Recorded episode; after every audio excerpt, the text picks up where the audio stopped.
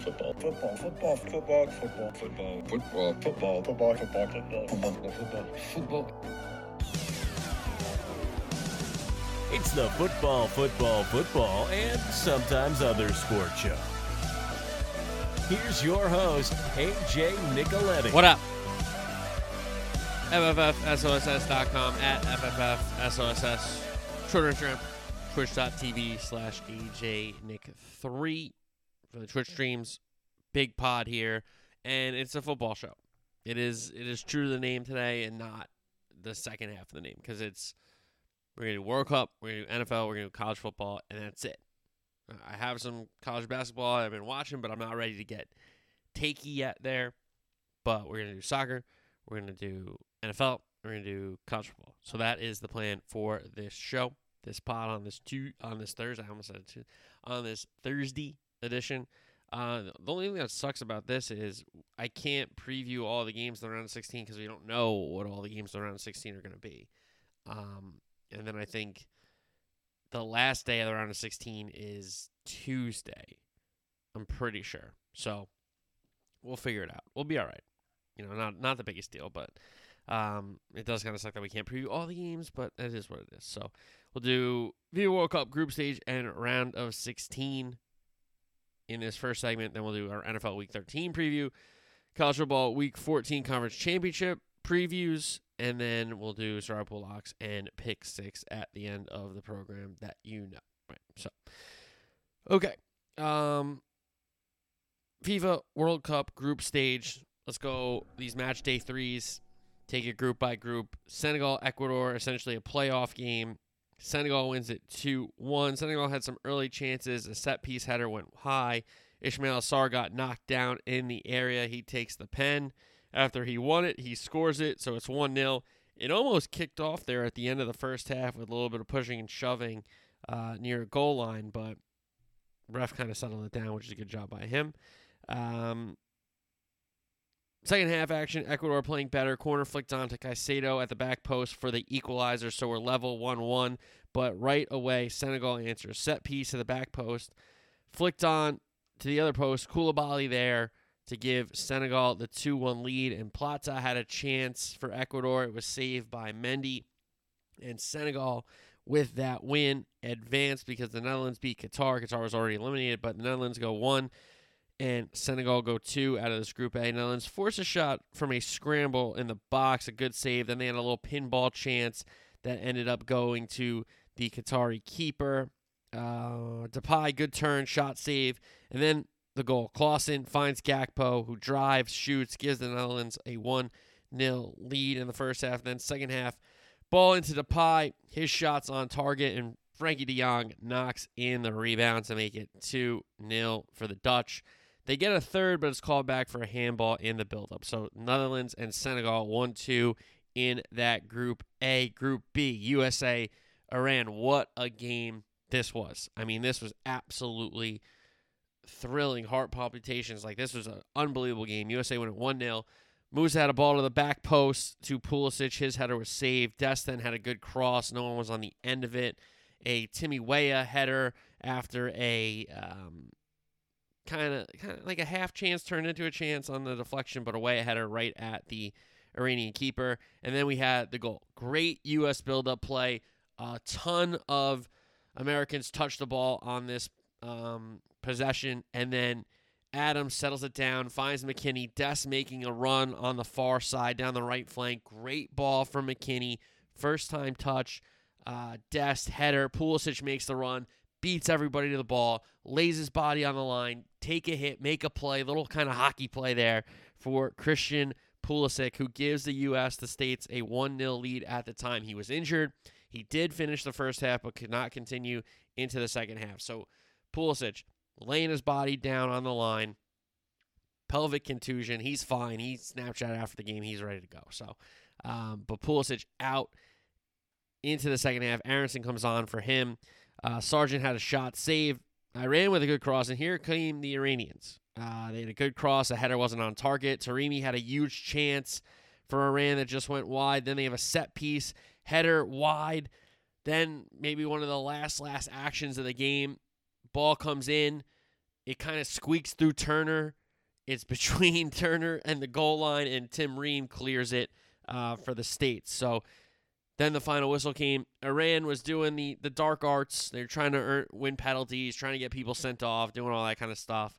Um, and we were time wasting. So if you're new to the game and you're like, what the hell's happening at the end of this game? This is crazy. Like they're just falling down and trying to get the ref to make a call. We're just kind of like taking our time on all this stuff. Is this allowed? Yeah, this is this is the gamesmanship of the sport. So um, if it was the other way around, we'd be trying to get penalties and they would be wasting time if the game was tied. You know, so uh, it is what it is there. So um, big, big, big win for the states.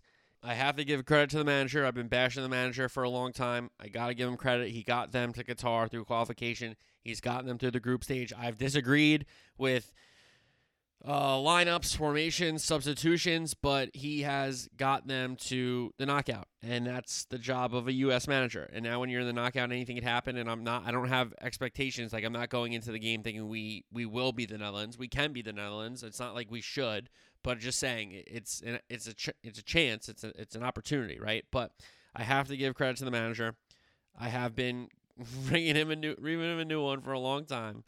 Um, and I still don't understand why Shaq Moore comes on uh, ahead of Yeldon. Yedlin.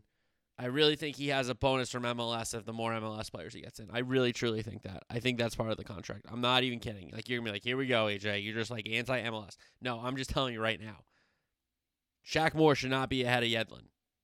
End of story. I'm sorry. And I'm so glad Carter Vickers came in for Zimmerman. And I know Zimmerman made a good play at the end of the game. Uh, a couple good headers, defensive headers. But Carter Vickers deserves a start, and I think he deserves to continue on playing um, in Zimmerman's spot. Because Ream and Robinson are great. Dest has been having to come off because of uh, the yellow card, which I understand from Greg's perspective, but I would love to see Dest play 90 minutes, uh, but I get it. McKennie's been having to come off, which is fine. I get that. He's not 100% fully fit to go 90, but maybe he can go 90 now. But Tyler Adams has been a, a amazing, amazing, amazing captain and midfielder in the middle of the park and leader in this team. Pulisic is going to be good. Um, who starts at the nine for the Netherlands? We'll touch on that game in a little bit, but I, you have to be really, really proud if you're an American footy fan right now. You have to be proud of these guys because these are young kids, unproven, not tested at this stage, and they haven't lost. And the one goal they've conceded in three games was a pen. So they they've played pretty well. And arguably, they should have won the Wales game and they could have won the England game. In both games, if there was a team to win the game, it was us. But hey, what are you to do? You draw those games and then you put yourself in a position where you're a winning in game and you get it done. A big 1 0 result for Greg and the U.S. Congratulations and well done. And we got to keep going now. We got to keep going. Other match in Group B England Wales. England beat the little brother 3 0. Rashford was really good. Rashford had a really, really good game, and he might have got himself a start ahead of Sterling in the round of 16. But here we go. Anyway, Rashford has a chance saved by Ward on a kind of breakaway. It was a good save by Ward. Rashford then did a bike kick that went wide. Joe Allen has a shot for Wales, but he couldn't get it at Pickford's net. So we go to the second half. England earn a free kick. Rashford free kick. Golazo. Brilliant, brilliant goal for England's first. Then Kane whips in a ball to the back post for Foden, who honestly, Rashford could come in for Sterling and Foden could come in for Mount. Even though I love Mason Mount, everybody's on Mason Mount's butt about the U.S. game. Like, I don't know, man. I think he just got put into a mixer of McKennie, Musah, and Adams. They were they were the better midfield. They were. So I don't know. I, I love Mason Mount, but I, I get what the criticism is. So anyway, Foden scores at the back post, made it 2 0 Wales. Good cross, but no one in the area uh, at the end of it. Rashford into the box. Shot goes on target through Ward's legs. He was screened, uh, but unfortunately not quick enough to react for the Welsh sake. And then Rashford, chances for the hat trick go begging. Bellingham had a chance late in the game as well, but it finishes 3 0 for the Three Lions over the Red Dragons, their neighbor, and it is England. Topping Group B, along with the U.S. in second, advancing to the knockout. Group C action. Argentina and Poland kind of a playoff game, if you will. If this team, whoever kind of won this, was definitely going through. And either if Argentina lost, they were not going through, and a tie would have been really, really interesting. But here we go. Argentina win it 2 0 over Poland. They were assaulting Szczesny's goal in the first half. Messi had chances. Di Maria nearly Olympicoed him on a corner, his, for, uh, his teammate at club level, because he's at Juventus now. Alvarez had a shot saved as well. Then Szczesny absolutely clocks Messi uh, with Messi winning a header. It is a pen. It's a tough pen, but it's a pen nonetheless. And if you want to say ball don't lie because Szczesny makes a, a, pretty solid save on Messi, sure. But I just think Szczesny was locked in. And Messi, it wasn't, he'll be the first to tell you it wasn't a great pen. He'll be the first to tell you it was not a great spot kick. That's for sure. But anyway, Szczesny saves Messi's uh, penalty. Then, like a little double save because the shot comes in, he saves it. Then Rodrigo de Paul kind of knew nothing about the rebound, but still got it on target. Szczesny makes that save. So we go into the second half. Argentina, early cross, Molina to Mac- McAllister, who scores. Not the best contact, but a really good finish. Beats Szczesny. They're 1 0 up. Set piece for Poland just goes wide. Other way, Mac Allister shot save Fernandez. Chips the ball to Alvarez on the next attack. Alvarez walks in, strikes, scores. 2 0 Argentina. Then Szczesny made a great save on a Lionel Messi chance. Alvarez had a shot go outside of the net. Uh, Martinez, Lautaro came on for Alvarez. His uh, chance went wide.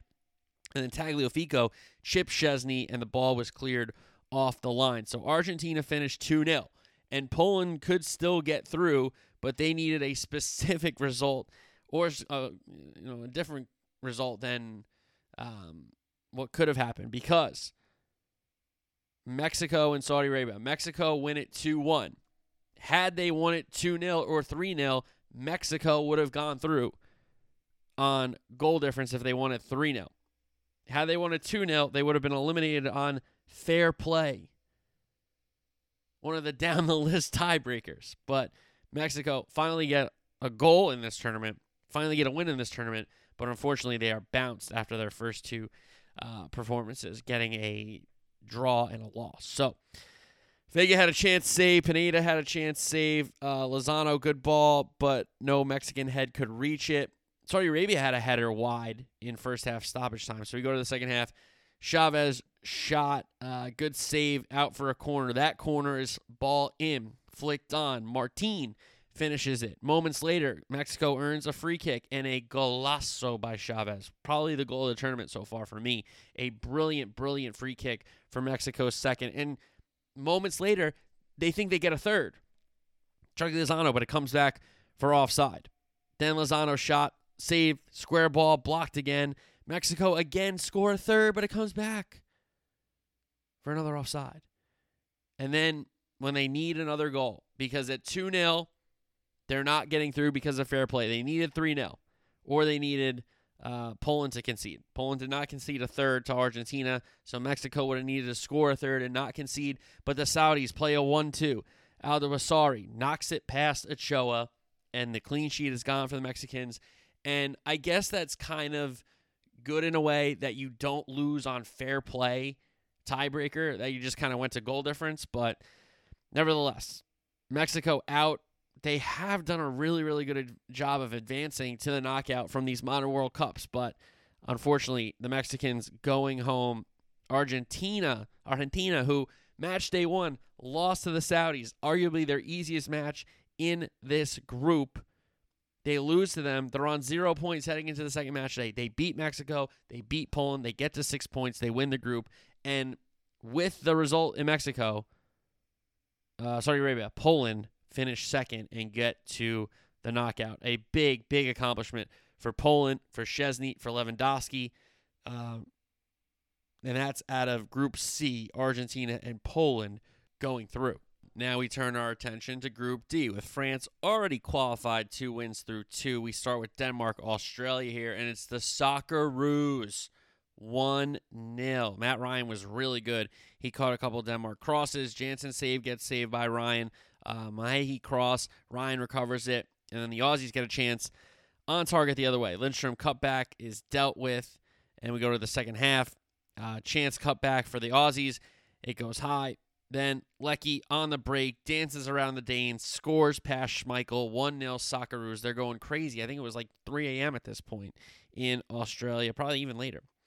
Uh, the Aussies nearly get a second with a great run into the area, free header, uh, and then a free header for Denmark went wide. Dolberg dribble in the area, he gets slid out, um, and then a free header on a corner for the Danes hits the top of the net. So Denmark not on target, not getting a goal, and if you don't get goals, you deserve to lose a lot of the time, guys. In Australia, the Socceroos have scored in each of their first three games. They've won two of them, and they're going to the knockout. How about those Aussies? That's amazing. And in the other game, we had France Tunisia. France played a, a maybe a C lineup, honestly, with so many players out of positions. I think he had Camavinga playing left back. Like, what are you doing, dude? Anyway, Tunisia win it 1 0. They score early, but it's ruled offside. They get another chance, but it's saved. Uh, second half, Tunisia penalty shout does not get rewarded. Then a great one by great run by Khazri scores, makes it one 0 Dembele and Mbappe and Griezmann came in as subs. Uh, Dembele's cross gets dealt with, and he has a shot gets saved. Mbappe has a great run. He doesn't end up scoring, and then Griezmann actually does score, but it comes back and it gets called off after a VAR review where he came back from a offside position to be in the attack. So France and Australia through in Group D, and I don't think a lot of people had that after Denmark had made that run to the Euro semifinal and nearly got to the final in that England game. So, I mean, it's just, it's a really, really, really interesting group. And, you know, I know France, like, didn't play and it didn't really matter and all this, but, you know, they lost to Tunisia. And Australia, give them some credit. They were great. The Socceroos, two one 0 wins, and don't like don't forget they went up one 0 on France before France, you know, Giroud got going there. Anyway, France and Australia through Group D. So now we get to Group E, F, G, H, and we'll tell you the uh, scenarios to get them through. I'm reading the ESPN article, so credit to ESPN here. So we got Spain on four points, Japan on three, Costa Rica on three, and Germany on one in this Group E. Spain are guaranteed to qualify with a win or a draw versus Japan. They win the group with a victory or with a draw, and if Costa Rica draw or lose. If Spain lose and Costa Rica win, Spain are out. If Spain lose and Germany win, Japan win the group with six points. If Spain lose and Germany win, Japan win the group with six points. Spain and Germany both have four points, and second place would be decided between Spain and Germany on the tiebreakers. Um, if Spain lose and Costa Rica Germany is a draw, Spain will finish second unless they lose by 13 goals. Uh, Japan guaranteed to qualify with a win versus Spain and will be the group winners of Costa Rica draw or lose. If Japan and Costa Rica win, top spot between those teams will be decided on goal difference. Okay. Uh, if Japan draw against Spain and Costa Rica and Germany draw, Japan are through in second. If Japan draw and Germany win, Spain win the group with five points. Spain and Germany both have four points. Wait, if Japan draw and Germany win, Spain win the group with five points. This is a typo. Japan and Germany both have four points. That was a typo. I got one here in ESPN by the way. Um, if Germany win by one goal, da, da, da, okay. Uh, Japan draw and Costa Rica win. Japan are out. Japan cannot qualify if they lose. So if Spain beats Japan, they're out. GG. Uh, Costa Rica, if they win versus Germany, they qualify. And will do so as group winners if the other game is a draw. If Costa Rica and Japan, yes, we said that. Okay. Um, if Costa Rica draw and Japan lose, Costa Rica finish second behind Spain. Costa Rica cannot qualify if both games are draws, and they cannot qualify with a defeat, so they have to win. Germany have to beat Costa Rica to have any chance. Any chance, okay? And win by eight goals secures top two. Jesus. If Germany and Spain win, Germany finish second, Spain finish first. If Germany win and Spain lose, Germany would have to overturn a goal difference of eight goals, as noted in the Spain section, to win the group. Uh, if Germany win and Japan, Spain is a draw, Germany can qualify as an yes. Okay, so we have the situations there. Okay, Costa Rica and Germany. Listen, the Ticos pulled off a great upset against Japan. And I think Germany really, really woke up when they were down 1 0 against Spain. So I do expect a big, um, big, big reaction from the Germans. And I expect them to go out and win this game against Costa Rica. Better team, more talent. I, I understand Costa Rica is a great story and CONCACAF and all. Right, right, right. But Germany got to wake up. I mean, the, the, the loss to Japan should have been enough. And I understand they don't go out and beat Spain, but they were down 1 0, staring the tournament life in the eyes. You know, if they don't rally to get that goal, we're not even talking about Germany in this situation today, right? So, very, very interesting match. If Germany are made of players that have the characteristics, have the DNA to deal with this adversity and find a way to get through in advance, look out for them in the knockout. And honestly, Costa Rica probably could get through with a draw, but not if the other game's a draw, as we know, as I just read that. So, obviously, I'm going to pick Germany here because they're the better team, but I wouldn't be shocked because the Germans, especially in the last tournament, showed that they lost one and then they lost again in a big spot. So we'll see. Japan and Spain. Samurai Blue versus La Roja. What a matchup. Uh, I hope those they wear the kids the red versus blue. I hope that happens in the kits. Spain will possess the ball. It's gonna be have to be similar for Japan the way they beat Germany. A little smash and grab, the counters, they have to take their chances when they get them. If you know, Spain aren't to give you a bunch of chances. They're just not because you're not going to have the ball enough to generate six, seven, eight chances. You might get three. And in this kind of game, you got to score them. And if you don't, you're in trouble because they're going to have the ball. And I don't want to say they can get chances when they want to, but they can get chances when they want. They can build it up. They can create the mismatch. They can get the triangles going. They can switch it wide and get a mismatch. There's a lot of things that can happen when Spain have the ball that could break you down and lead to a chance. Now, sometimes they don't take those chances because they don't want to give you the ball. And I could possibly see if Spain do get a goal, get two goals, that they won't try to get a third. That they'll be happy with two and be like, okay, if you get one, we still win. But we're going to hold the ball. So I do think Spain will probably do Germany a favor here and beat Japan. And if Germany t- handle Costa Rica, they'll get through and finish second. So um, I do expect the two giants to still come out of this group, though I mean, if Japan beats Spain and Germany win, or Costa Rica, like, it's going to be a wild, wild scene when it comes down to these tiebreakers that we were just alluding to. But if Spain and Germany both handle their business, those teams are through, and that's I think what will really play out. To be honest, uh, Group F scenarios. Canada, we know, is eliminated with the two losses through two games. So we have Croatia on four, Morocco on four, and Belgium on three. And the matchups are Croatia, Belgium, Canada, Morocco. So Croatia are guaranteed to qualify with a win or a draw. Uh, if Croatia draw and Canada and Morocco draw, Croatia win the group. If Croatia draw and Morocco win, Croatia finish second. Um, if Croatia and Morocco both win, we're down to tiebreakers. Okay. If Croatia and Morocco both lose, Belgium win the group with six points. Croatia and Morocco both have four, and then we're down to the goal difference again in the tiebreakers again. Uh, Morocco guaranteed to qualify with a win or a draw versus Canada. They will definitely top the group with a win, or if Croatia draw or lose. If Morocco and Croatia, yeah, we just explained that. Okay. Um, Belgium will definitely qualify with a win versus Croatia. If Belgium draw and Morocco win or draw, Belgium are out. So Belgium cannot draw unless Morocco loses. Okay. Um, and then Croatia would be on top with five, and Belgium would be second with four, with the goal difference helping them out because they would be tied with Morocco. Canada, we know, as is eliminated. So this is a really, really interesting one.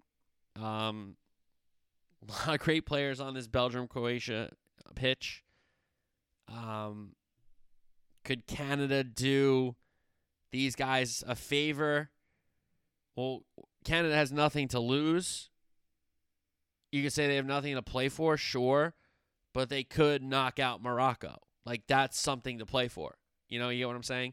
So I really do expect a not a big showing from Canada, but I expect them to come out and try and play and try to get a result because you don't want to come home losing three games. You know, you want to at least get a point, get a result somehow, some way. Yeah, you could be eliminated through two, but in that third game, you give whoever you got hell and just give them 90 minutes that they don't want, right? So,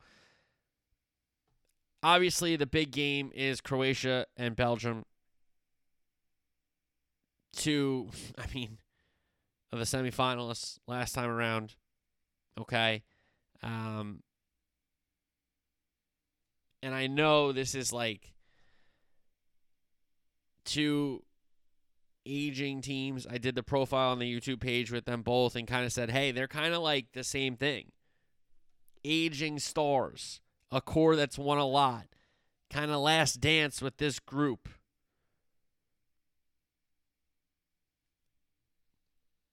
I am kind of nervous if this like game isn't a draw and one of them don't go through because Canada doesn't win against Morocco or draws them.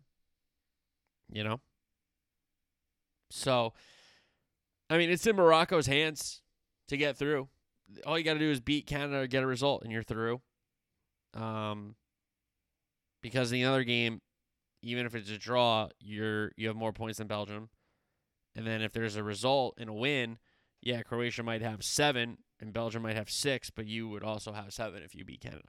So it's interesting here. Again, Canada, what do they have to lose? I expect them to come out and try to score and try to play openly.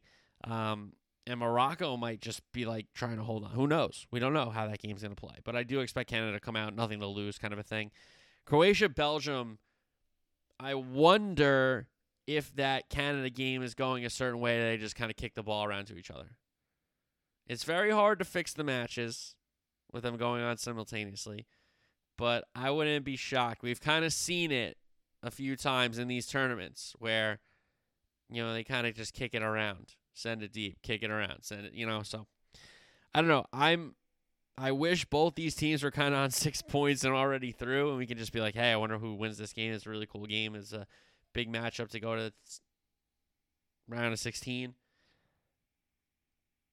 But if you said AJ guns to your head, who wins the game? I think Belgium need to win the game more, and Croatia will hopefully hang on with uh, goal difference. But Belgium, I mean, they're in disarray. I could easily see Croatia kind of putting this team out of its misery. Belgium, but do they have one last, you know, stand in them? I'm very curious to see. So that's Group F. Group G. Brazil has already qualified. They can win the group with a win or a draw in the other game. If I'm not mistaken. Yeah. Uh, draw in the other game. So if Brazil lose and Switzerland win, top spot could be decided on goal difference because they'd be on six points each. Okay. Um, but Switzerland play Serbia in pretty much a playoff game. Um, Cameroon have to win to advance, and they need um, they would need a Serbia. What is here we go? Cameroon must win to have any chance. If both Cameroon and Serbia win, Brazil win the group with six points, and Cameroon and Serbia both have four. So it comes down to goal difference there. Uh, Switzerland guaranteed to finish top two if they beat Serbia. So if they beat Serbia, they're through. Um, and they could qualify if Cameroon draw or lose against Brazil.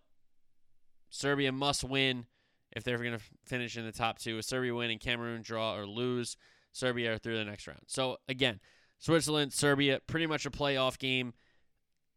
Switzerland gets through with a draw. Serbia does not. So Serbia is going to try to get that game going and get that game fiery.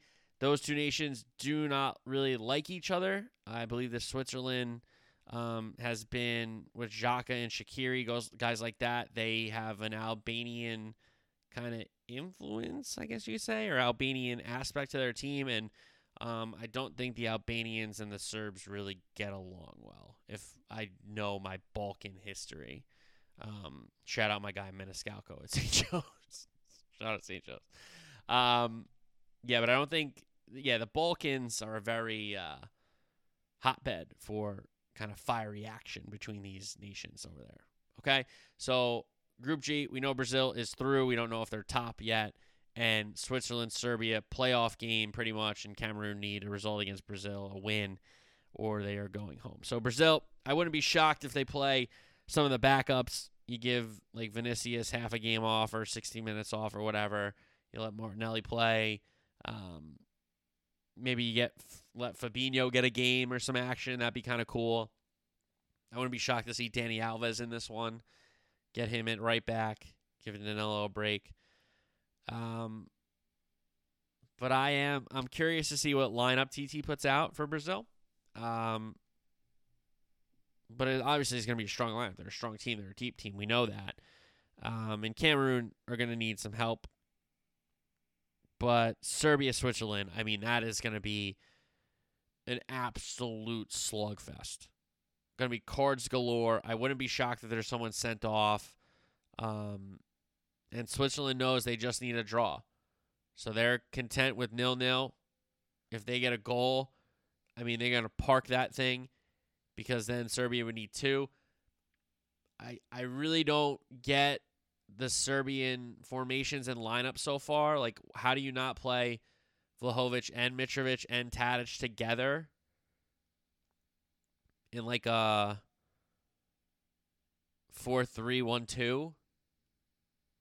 I don't I don't get that why that's not your lineup to get your most offensive guys in the game, especially because Switzerland are going to sit back and then that gives you another set piece guy in Vlahovic who has a great uh, skill of heading the ball, as does Mitrovic. We know, and Tadic can really pearl those balls in. So I uh, it's going to be a great great game, Serbia Switzerland. I can't wait for that one. Um, very very exciting one. Very very exciting one. Uh, group H. Portugal are through. They can win the group with a win over South Korea. Okay. Everybody's alive here. Portugal have six, Ghana have three, South Korea have one, Uruguay have one with the South Korea Uruguay draw. Ghana beat um, South Korea, and Portugal beat Uruguay. Those are the results. And Portugal beat Ghana. Okay. Um, so Portugal can advance to the round 16 and top the group if they win or draw for South Korea. Nobody can get to seven and nine, obviously. If Portugal lose and Ghana win, top spot could be decided on goal difference. Ghana guaranteed to finish in the top two if they beat Uruguay. If Ghana draw and South Korea draw lose, Ghana qualify in second. Ghana cannot qualify with a defeat. Uruguay must win and will finish second if South Korea draw or lose against Portugal. So Uruguay have a shot here. The team I picked to get out of this group in second. Um, if Uruguay and South Korea win, Portugal win the group with six points. Uruguay and South Korea both would have four. If both games are won by the same margin, okay, so we go down to goal difference again. So again, um, Uruguay are gonna be rooting for Portugal. If they beat South Korea, all they got to do is beat Ghana, and they would have four, and Ghana would have three, and that's all she wrote for that group. So uh, South Korea need to win against Portugal, and uh, same situation if South Korea and Uruguay win those tie, it comes out to tiebreakers. If South Korea win and Ghana draw Uruguay, South Korea are guaranteed to qualify if they win by two goals or more.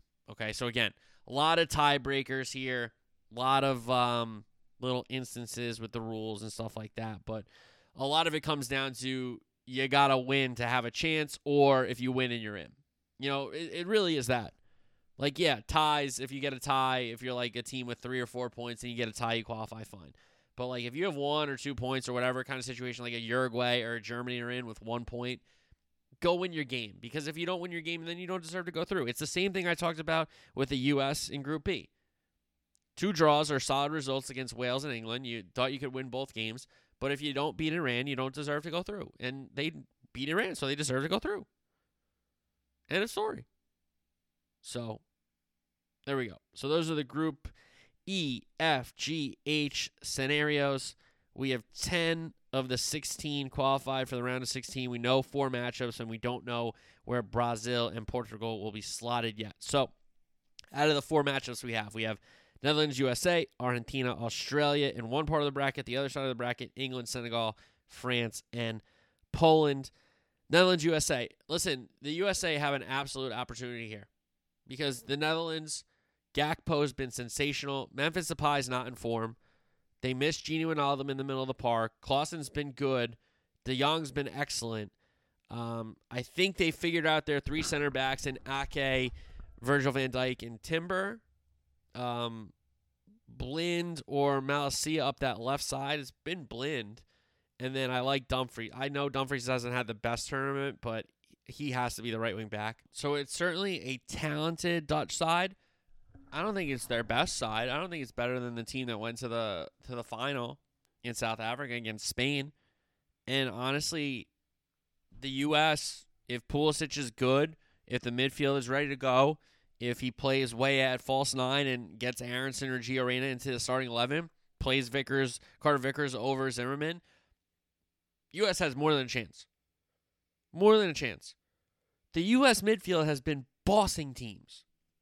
And honestly, I understand the way the Netherlands play. They get people into the midfield, whether it's people from their attack dropping in or like wingbacks going forward.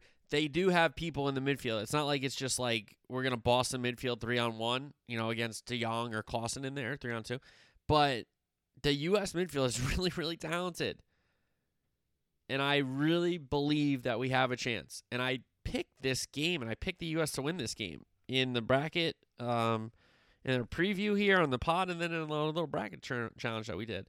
Um, and I'm going to stick with it. I think U.S. beats Netherlands. I think Netherlands might be a little too comfortable coming into this game. Um, I love Virgil van Dijk for, but not for 90 minutes on Saturday, 90 minutes plus on Saturday. Um, and I, I think that the U.S. are primed here to get an upset. And I think they do. They've conceded one goal and it's been a pen. And Gakpo does scare me for sure. But it's not like if we don't if we play Carter Vickers, we we pick up pace on that back line to go with Dest, to go with Robinson. And Ream isn't that fast, but he's usually in really good position um, to make up for that lack of speed or quickness. So with that defense, with that midfield, and if Berhalter gets the attack right, and I think I don't want to see Haji Wright. He put in a shift against England, but he was poor when he came on against Iran. I don't really want to see Josh uh, Josh Sargent, who didn't play poorly, but he just hasn't scored. I would love to see either Weah or Pulisic at a false nine, and you get Aaronson or Gio Reyna into the starting eleven. I, I think Aaronson is a great sub. I think Gio could be a great sub, but I want to see them play and be up front and have another guy up there. Because I think the striker experiment in like trying out these number nines through three games, it hasn't shown me much.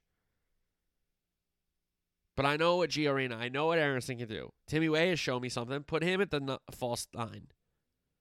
Put Pulisic at false nine. I don't care, but just get Aaronson or Gio Reyna into the lineup, Greg. Please. Okay, so we have Netherlands, USA there. And then we have Argentina, Australia. And yes, the Aussies will be overlooked. Yes, the Argentines will be heavy favorites. Yes, the the pressure is on Argentina to get through and to keep going through this tournament to give Messi a chance to get back to the final. And for me, this is an Argentine victory. I think the Socceroos have shown that they can play and that they do belong in this competition. And it's not just that they qualify out of like a um, a continental uh, body that doesn't have teams or whatever. They can play, and to get through that group, that shows you that they can play. And they've scored in every match. And Argentina has not conceded since those two goals against Saudi Arabia, which is big. So the, the, the Argentine defense has picked up. Martinez has made some better saves, and they're figuring out that with De Paul, you know, Paredes doesn't play this game, which is interesting Fernandez gets the start after the goal. He comes in, gets an he he stays in the lineup, gets an assist.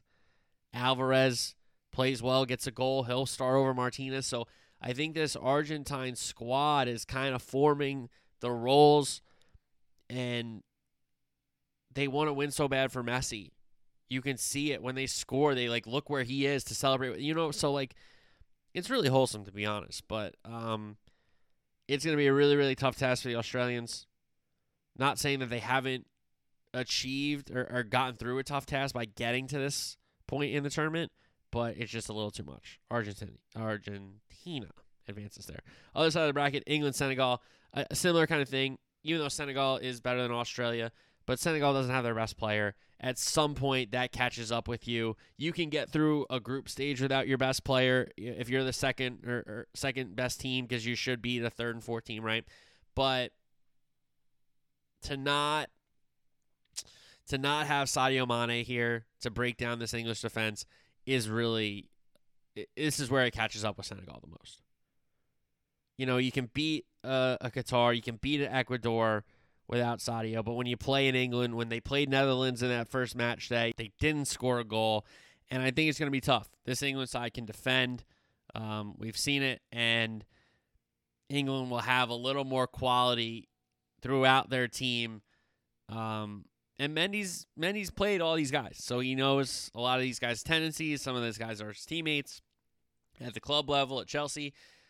Koulibaly, obviously Chelsea. So Ismaila Sarr has been at Watford for a long time, up and down in the Prem, so he's played against some of these guys. So I expect Senegal to be in the match, but England to uh, be clinical with the finishing and get the result and get through to the next round, where they probably will meet France because France Poland, it's intriguing. Can Lewandowski do what some great ones have done before, which is win a knockout game by themselves, um, or relatively speaking, by themselves? I just don't see it. When they went up against Argentina, they were outclassed, and France Deschamps rested a lot of guys on this third match day. They didn't need a win. Um, they didn't necessarily need a, a, tie either, but you know what I mean. But um, they're really, really good. You bring back Giroud now. You bring back Mbappe now. You bring back Griezmann. Uh, Tchouameni in the midfield. You go with your best back line, and Lloris comes back into the the, uh, the the between the posts there. So France yes, could Poland pull it off with a Lewandowski masterclass? Maybe, but I haven't really seen the makings of that yet in this Polish side. So France there. All right, from footy, because unfortunately we won't be able to preview any more games before we get to them because of the schedule. So uh, we'll talk more footy next Tuesday. All right, NFL Week 13 recap, uh, preview. Sorry, recap. Preview: Atlanta and Carolina are on the bye as we get started with an AFC East showdown. Buffalo in New England. New England got bounced by Buffalo last year in the postseason, as we know. Bills starting to get right after some issues uh, with Josh Allen and some losses there. New England coming off that loss on Thanksgiving night. So both these teams, it's full rest having played on Thanksgiving. I think New England might hang around, but Buffalo finds a way to win the game. Um, they've shown, Allen has shown that he can beat Belichick. I think they're four and one against the Pats, and yeah, are these classic Belichick teams or, or great Belichick teams? No, not necessarily, but um, it's still a lot of the game planning that Belichick would do with those great teams. So I think Buffalo sneaks out a win here. I wouldn't be shocked if New England picks them off. It's just in division road games. You never know. But I think the Bills are the better team. The Bills are in the better spot. And the Bills have Miami breathing down their throat. So they got to win some games uh, to win the division. Tennessee and Philly this is an interesting matchup. I think the Eagles win the game with some late magic, but Tennessee is going to hang around and be in this game. They're going to try to manage time of possession and keep the ball out of Hurts's hands. They're going to try to not let A.J. Brown kill them um, and stay out of, for the life of them, third and one because they're just going to convert. And if they don't convert, they're going to go for it on fourth and one. And you can't give them two chances with the with the little – play that they do where they just maul you and every. By the way, you can't tell me that the Eagles aren't lined up off sides, guard, center, guard. You can't tell me that. So I, I would if I was an opposing coach, I would be screaming at the ref on my sideline. They're offside. They're offside. They're off- call it. You gotta call it. They're offside. But we'll see. I think Tennessee hangs around. I don't think it's a, a great game. Could be a backdoor spot, but I think Tennessee hangs around. Philly squeaks out. Chicago hosting Green Bay. The statuses here of both quarterbacks are the storylines. Will Fields come back after missing the game in MetLife against the Jets? It seems like Siemian's banged up as well, so it's not either one of those two. It's going to be Nathan Peterman. Is it Jordan Love for Rodgers? A lot of people in LaFleur and Rodgers basically kind of saying, "Hey, it's I'm playing. Rodgers is going to play over Jordan Love." So you know he's not going to miss a shot to to beat the Bears, right? You know that. So um, if Rodgers plays and it's the Bears, I expect the Packers to win, even though the Packers aren't good. But we'll see. Jacksonville, Detroit. I really, really hope we get a fun, dumb game here with a ton of scoring and some late action. Um, both defenses not really good. Both offenses can sling it. Both offenses have playmakers. Um, hopefully, Detroit gets Jameson Williams back soon. Uh, that would be really cool. The rookie out of Alabama. I just think for um, how do I put this? Jacksonville, they have to get started early because Detroit, we've seen at home, you know, be able to put some halves together, be able to put some drives together. Jacksonville's got to stay in this game early, and whether that's matching points with Detroit or at least playing like complementary football, not giving Detroit like short fields or whatever with turnovers. But I do expect some turnovers. I do expect some short fields, and I expect some big plays, and hopefully a lot of points in this one. This could be a fun game between two bad teams. Cleveland, Houston. Watson, Deshaun Watson is in for the Browns against his former team going down to Houston. Kyle Allen is still going to be quarterbacking the Texans instead of Davis Mills. A lot of rhythm issues with Watson stepping in in the middle of the season here. He has been practicing, but I mean, how many reps can you give Watson with the ones because you have Brissett start? You know what I mean? So uh, he can't be like fully wrapped out with the ones, but maybe they worked him in. I don't know, but I'm not. I'm not at Cleveland practices. I couldn't tell you, but this is a weird game. Cleveland, obviously more talented. Um, but Watson coming back in this game at his former employer. I think the crowd might be rocking in Houston. I wouldn't be shocked if they uh, packed the place because he didn't want to be there anymore, kind of a thing. He wanted out.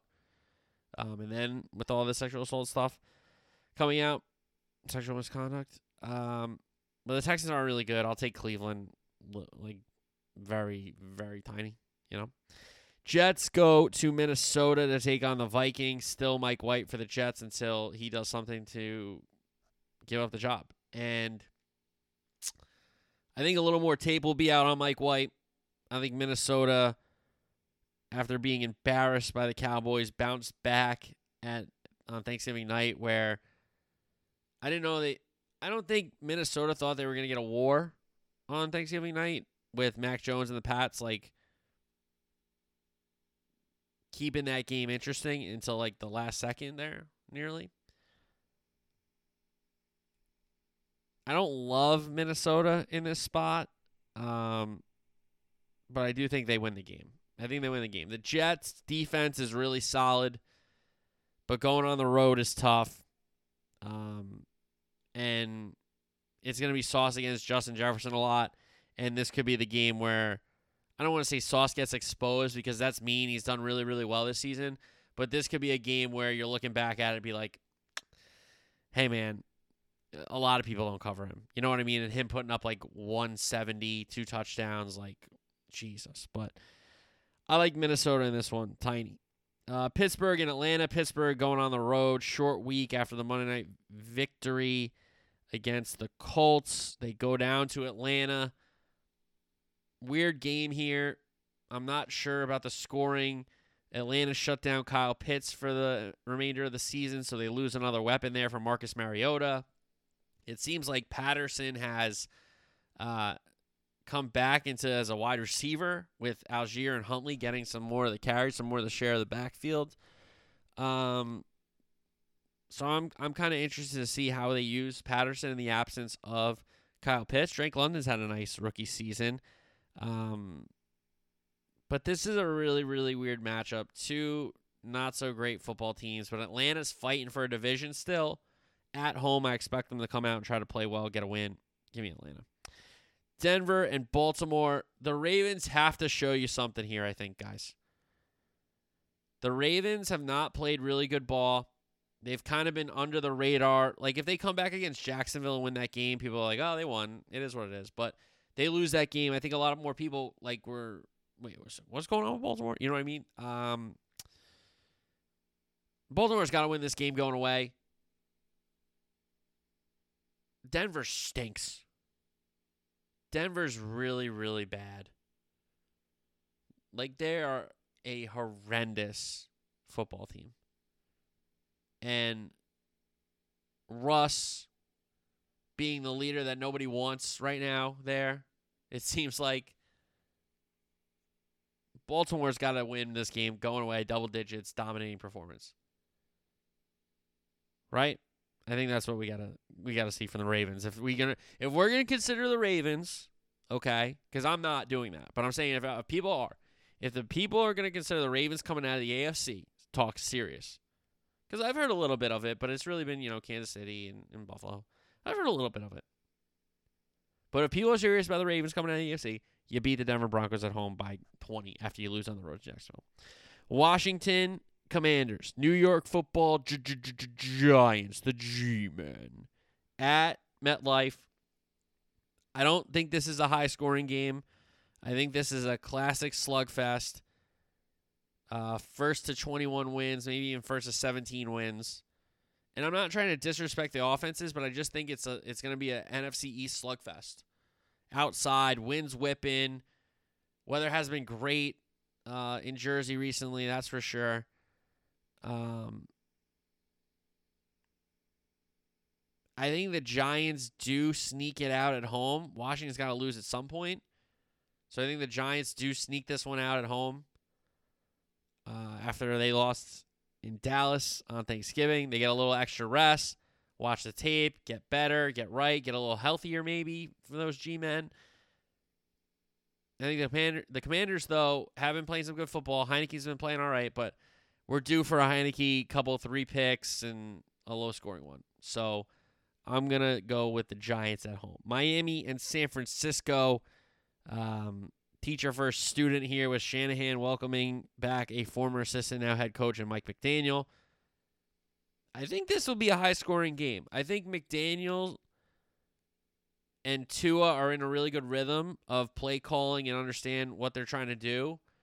And I think with the Niners, though they're going to miss Elijah Mitchell, it does kind of seem that McCaffrey's going to get some more touches now. And I do think that Shanahan knows that the Dolphins are coming there to score, even though the Niner defense is really good. I think the Dolphin defense isn't bad, and they're getting better, and Chubb is getting more used to the system that they're trying to do. Van Ginkel's been making some plays. Obviously, the secondary is very strong with the safeties and the corners. Um, but I think this is going to be a, a, scoring game. I think it's going to be a fun game. I think it's going to be maybe a game of the week type game on Sunday. I really like this game. I'm looking forward to this one. And I do think San Francisco does sneak one out. If this game was in Miami, I would like Miami. The game is in San Francisco. Give me the Niners. High scoring game. Seattle and the Rams in LA. Seahawks going down to SoFi. I guess I like Seattle, but I really don't like taking road um, road favorites in division. So I'm not touching this number, but the Rams are really, really beat up right now. Donald being ruled out, Stafford status in the air. We know Cooper Kupp can't play in this one yet, even if he's going to come back this season. Rams are depleted. Seattle I mean, they certainly have a shot at this division in the postseason, no doubt about it, the way they've been playing. I think I have to take the Seahawks here because the Rams have just been that bad.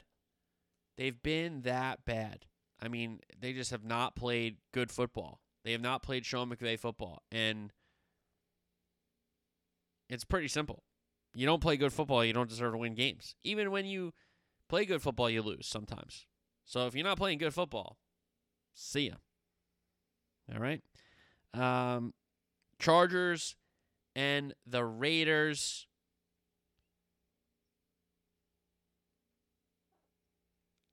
AFC West. If the Chargers are trying to trend towards for real, you go on the road in division and you beat a team that you're better than. I mean, it's really that simple. If you're better than the Vegas Raiders, you go there and you beat them. And I think the Chargers trying to get a little healthy, figuring out their best kind of combos with the the packages. Herbert's been sensational. I mean, Herbert is so so good. Ekeler's been really good. They need Mike Williams back in the mix. Keenan Allen's been solid since coming back. Palmer, solid. Everett, really good tight end. The line's been blocking for him. Defensively, we know how good Bosa is. Derwin James is a playmaker on the back end. Khalil Mack. So this Charger team is very, very talented. Now let's start winning some more games. And honestly, if they don't win more games, the head coach has got to go because they've lost too many games that they shouldn't have. So I got the Chargers there. KC and Cincinnati, fun games last season. I think it was week 17 in Cincinnati and then AFC title game. Great, great football games. I think Kansas City has figured out this no Tyreek Hill thing. I think Cincinnati's putting it together, working on their issues. I understand they play a close game against Tennessee, but Tennessee's not bad. And I think for this game, if Mixon can go, it's a game changer for Cincinnati. At home, can control the pace. Mixon and Perine one two punch. If they ever get Ja'Marr Chase back for this one, that'd be gigantic. They do need him back. Uh, Higgins played good last week. Boyd's been kind of hit and miss. Um, in Kansas City, putting together some good wins. And Mahomes is heating up. And Kelce, you can't guard him. And it's just kind of at wide receiver, it's somebody chipping in each week.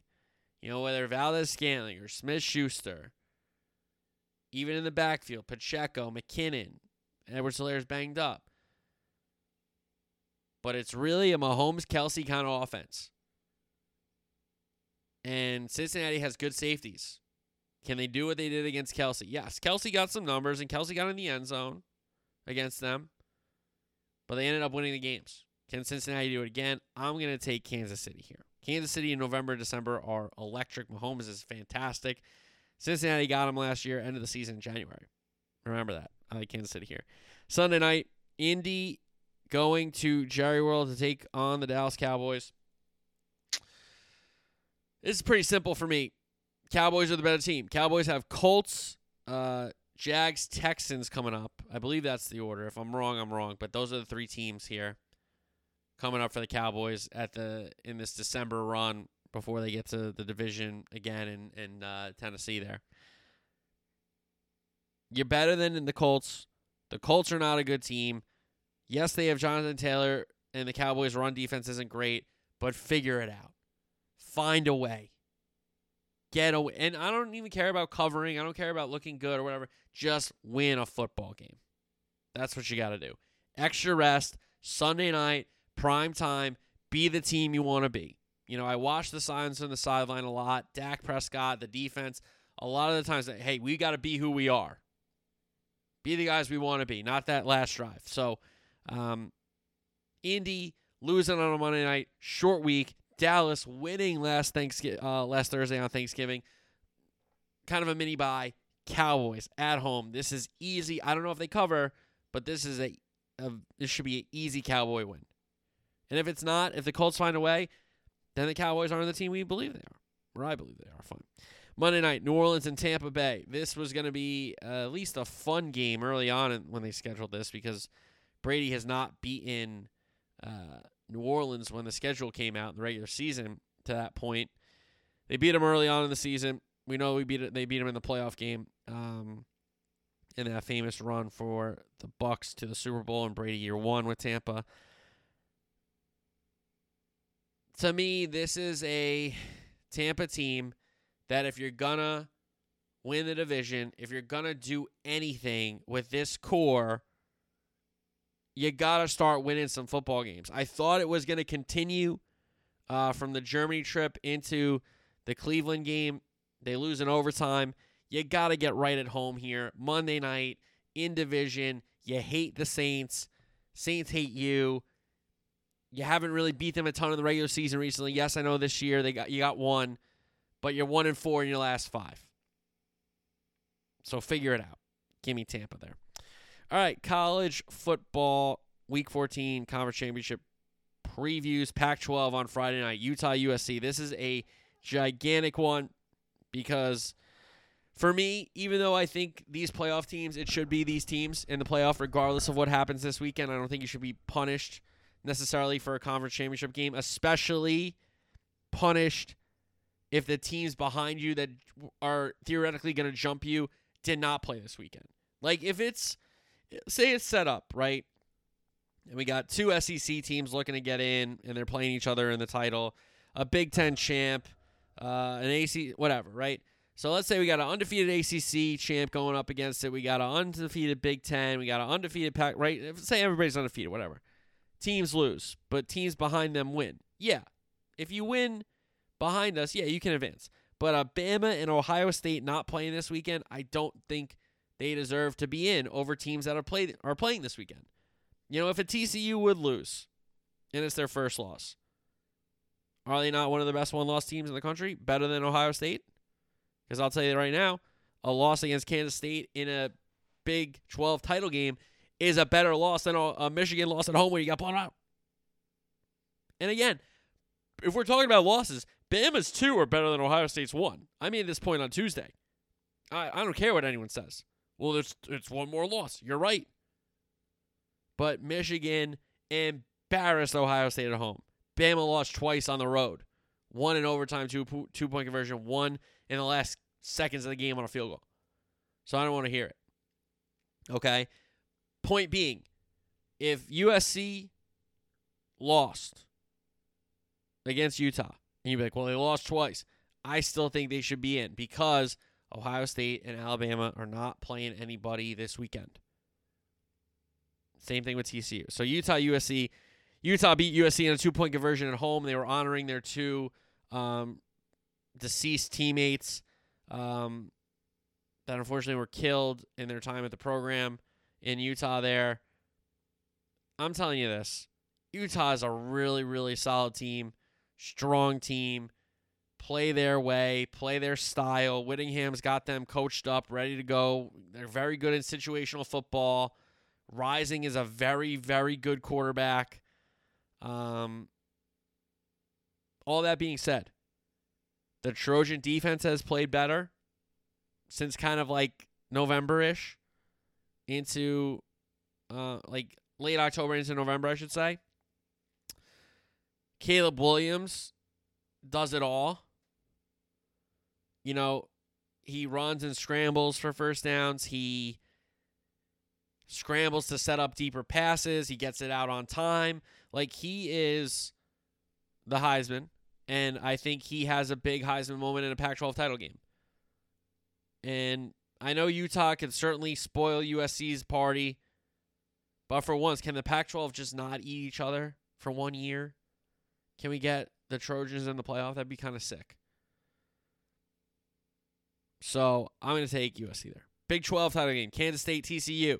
TCU were trailing Kansas State 28 10 in this one in their regular season matchup, and they ended up winning it 38 28. So TCU, one of their improbable comebacks, happened against Kansas State. They're matching up again in this title game in the Big 12. And the Horn Frogs with Duggan, you know, the receiver's been really good. Johnson. Um, I, I really hope TCU does win this game so we don't have to deal with Ohio State getting in because you could see Ohio State getting in, even though I just am vehemently against it. Um, but I really do think TCU has had a really special season. They cap it off with the Big 12 title. Now, what happens in the playoff, we don't know. But I do think they cap this off with a Big 12 title. So give me TCU. SEC, LSU. What a weird season it's been for LSU. Um, and for Georgia, they haven't been necessarily impressive week in and week out. But Stetson Bennett, you know, steers that ship for that Bulldog offense and Kirby Smart. And on defense, they have playmakers at all levels. They have talented corners. They have talented linebackers. They have edge rushers. They have D tackles. They got players on that Georgia defense. And you would thought, well, they just got, what, seven drafted? No, there's more. Don't worry about it. Um, and I think LSU has just not had, they've had a really weird season. You know, they lose on national television that Monday night stand alone game, stand alone game against FSU. They get blown out by Tennessee at home. They beat Bama, but then they lose to A&M. You know, so I I just it's a weird season for LSU. Georgia's they're in the playoff regardless, but they win the game. Purdue and Michigan, kind of similar situation. Purdue, the team out of the other division that gets to take on Michigan. Michigan with McCarthy has looked really, really strong and solid enough. Corum and Edwards, I wouldn't even play them. I think you got enough talent with Stokes, the freshman there. You don't need Edwards and Corum to get banged up here ahead of the playoff. Um, even like the receiver Bell, I might think about sitting some of my key defensive because they're in the playoff. Even if they lose to Purdue, they're in the playoff. It doesn't matter. Um, but Purdue could show you something offensively that where they're up in the game early, but Michigan has been the quintessential second half team. So Michigan wins the game. ACC, nobody really cares, but Clemson going up for another ACC title. Here's Mack Brown in Carolina trying to get that uh, that Carolina blue back on top in the ACC. I mean, Clemson is the better team, but what is like? Can Dabo get those guys up for an ACC title game where they have no chance of the playoff and they just lost to South Carolina for the first time in a long time? This is going to be maybe one of Dabo's best co- coaching jobs if he gets Clemson to hoist that trophy Saturday night. I really, I really, really, really do believe that. I really do believe that. If if Dabo can get Clemson motivated for this game, they win the game because they're the better team.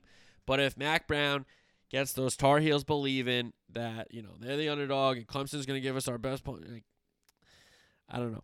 I don't know. All right. Um, now back to the NFL. At the end of the show here, we will do Survivor Pool Locks. 27 and 9 on the season. Survivor Pool Locks. We've had a good streak of 3 and 0s. So we'll try to keep that going for you. Hopefully, if you're still in your Survivor Pool, you're either dwindling down to three, four, five people left. You're going to offer a deal. Guys, if somebody offers you a deal, take the deal. Number one. And number two, if it's just like a regular split, be like, hey, take some out. We'll play for the rest. That's the best deal to do in my experience is running pools and winning pools, by the way. Anyway, pick number one. I alluded to this when we were previewing the game. Baltimore Ravens at home against Denver. Denver stinks. The Ravens have not looked impressive. This is an opportunity for Lamar and the Ravens to get right, have that defense pick apart Russell Wilson, and Lamar get going with his arm, with his legs. I expect Baltimore to come out and dominate this Bronco team. And pick number one, the Baltimore Ravens against the Denver Broncos. Pick number two. I know it's like a small spread, but I think the tape on Mike White will be out. And I know the Jet defense is really, really good, but going on the road is a tough ass to Minnesota. So, for that reason, I'm going to take Minnesota at home against the New York Jets, pick number two. And pick number three, Sunday night. I don't think they will cover because it's just uh, double digits is tough. But the Dallas Cowboys at home against the Indianapolis Colts. If the Cowboys want to go where they want to go, these next three games, they stack some wins and get ready for a January push.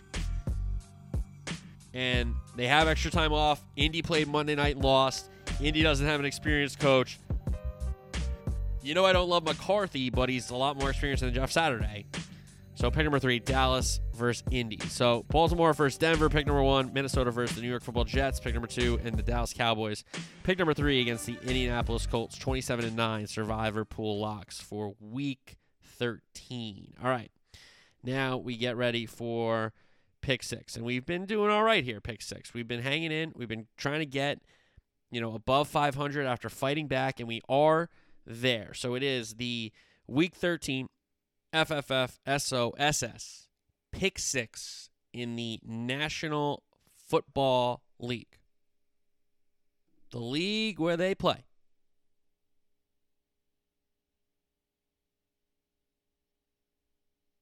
For pay.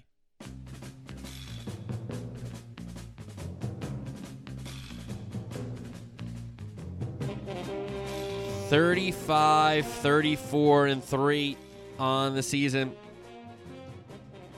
Another productive week. We put some distance between us and 500. That's what we're looking for. All right, pick number one Tennessee. I love when Tennessee are underdogs. I feel like I have my finger on this team. Six is too much. I know it's on the road against Philly and one loss, but Philly are gettable. Um, Green Bay was hanging around in that game, to be fair. And I just think Tennessee plus six, the running game with Henry. They're going to be fired up to play A.J. Brown. A.J. Brown's going to be fired up to play them, of course, but they're going to be fired up to play A.J. Brown because A.J. Brown didn't want to be there. Even though he's like, I'll sign the deal. He's like, ah, here's the deal. No, I don't want that deal. Okay, fine. Tennessee plus six. Back doors available. Pick number one, Tennessee plus six in Philly. Pick number two, two bad teams. Hopefully, we get some high scoring points because it's Jacksonville, Detroit, and the over is 51. So we need 52. Two high scoring offenses, two quarterbacks that can sling it, two quarterbacks that can throw turnovers, two quarterbacks that turnovers can result in pick sixes, so points for the defense. But two defenses that aren't great, two offenses that can score. Pick number two, Jacksonville, Detroit, over 51. Pick number three, that NFC East showdown at MetLife in the Meadowlands. Maybe we get some weather. And I like Commanders, Giants under 42. I think we get a slugfest. I think we get some wind. I think we get a situation where both teams are going to struggle offensively. Not going to be a lot of points scored, and first to 20 wins. So pick number three Washington and the New York football Giants under 42. Pick number four. Gonna go back to an over here. And I, I thought about taking a side in this one, but I just couldn't. So I like the over. I like the total. I like the points. And it is Miami, San Francisco, over 45. I think Shanahan knows that he's going to have to score because the Dolphins have been putting up some points. They put 30 up on a half against the Texans. I know it's the Texans, and the Texans are bad, but to still put up 30 and a half is impressive at the professional football level. So in this one, Miami, San Francisco, I'm going to go over 45. I think it's going to be high scoring. I think both coaches are going to try to bring out some tricks, try to trick each other, try to get um, the points up there. No Mitchell, I think, gives McCaffrey more touches, and McCaffrey's a home run hitter, as we know. Um, and I do like this Miami offense. You know, I like the Miami offense, and I think both offenses will score. I know both defense, well, Niners more than the Dolphins have a very, very strong defense. The Dolphins have playmakers. So I'm going to go with the over here Miami, San Francisco, over 45. Pick number four. Pick number five. I alluded to this when we were previewing the games. And we're going to go out west. We're going to go to an AFC West showdown. Chargers and Raiders. And if you're the Los Angeles Chargers and you want to challenge Kansas City for the top of your division, you want to compete to get out of your conference, you want Justin Herbert to play in big games and Super Bowls and AFC title games, right? You go on the road in division against a team you're better than and you beat them. That's how you stack wins in this league. And the Raiders, hey, give them credit. Couple wins for Josh McDaniels. You know, they win in overtime. Thrilling wins, right? Chargers are a better team. Chargers have a better quarterback. I don't know if they have a better coach. I don't. Either of these coaches are clowns, to be fair. But I'm going to go Chargers. I know they're begging me to pick them, but I'm going to pick them. I'm going to fall into this trap. I've been. I've tried to do a better job of not walking into traps, but Chargers minus one. We'll walk into that one. And then Monday night, Tampa minus three against New Orleans. I know this could be a trap as well, but if the Bucs are ever going to put anything together for this season, they got to start winning games, and they got to get impressive wins.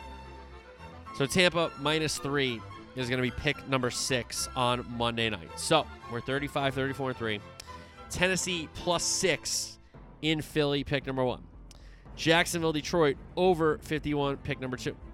The Commanders and the G Men under 42 at MetLife. Out west, Dolphins, Niners over 45. Pick number four. Pick number five. I'm probably walking into a trap here, but you know, sometimes you get the cheese before this trap snaps. So hopefully we do that. Chargers minus one in Vegas. And then Tampa minus three on Monday night against New Orleans. So we have Tennessee plus six. Jags, Detroit over 51. Commanders, Giants under 42. Dolphins, Niners over 45. Chargers minus one. And the Bucs minus three. That is the week 13 FFF SOSS pick six in the National Football League.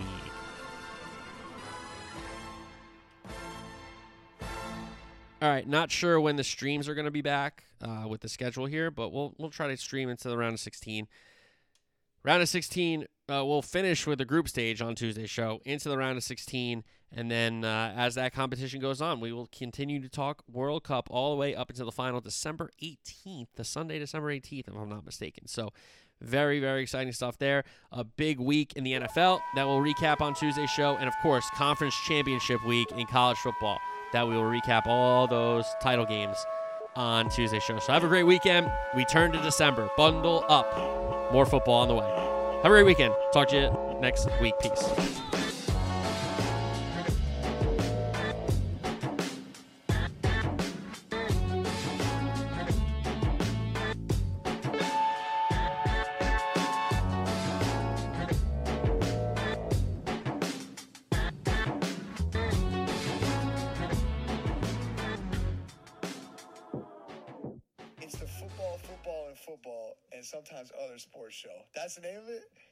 Guys, check out his podcast.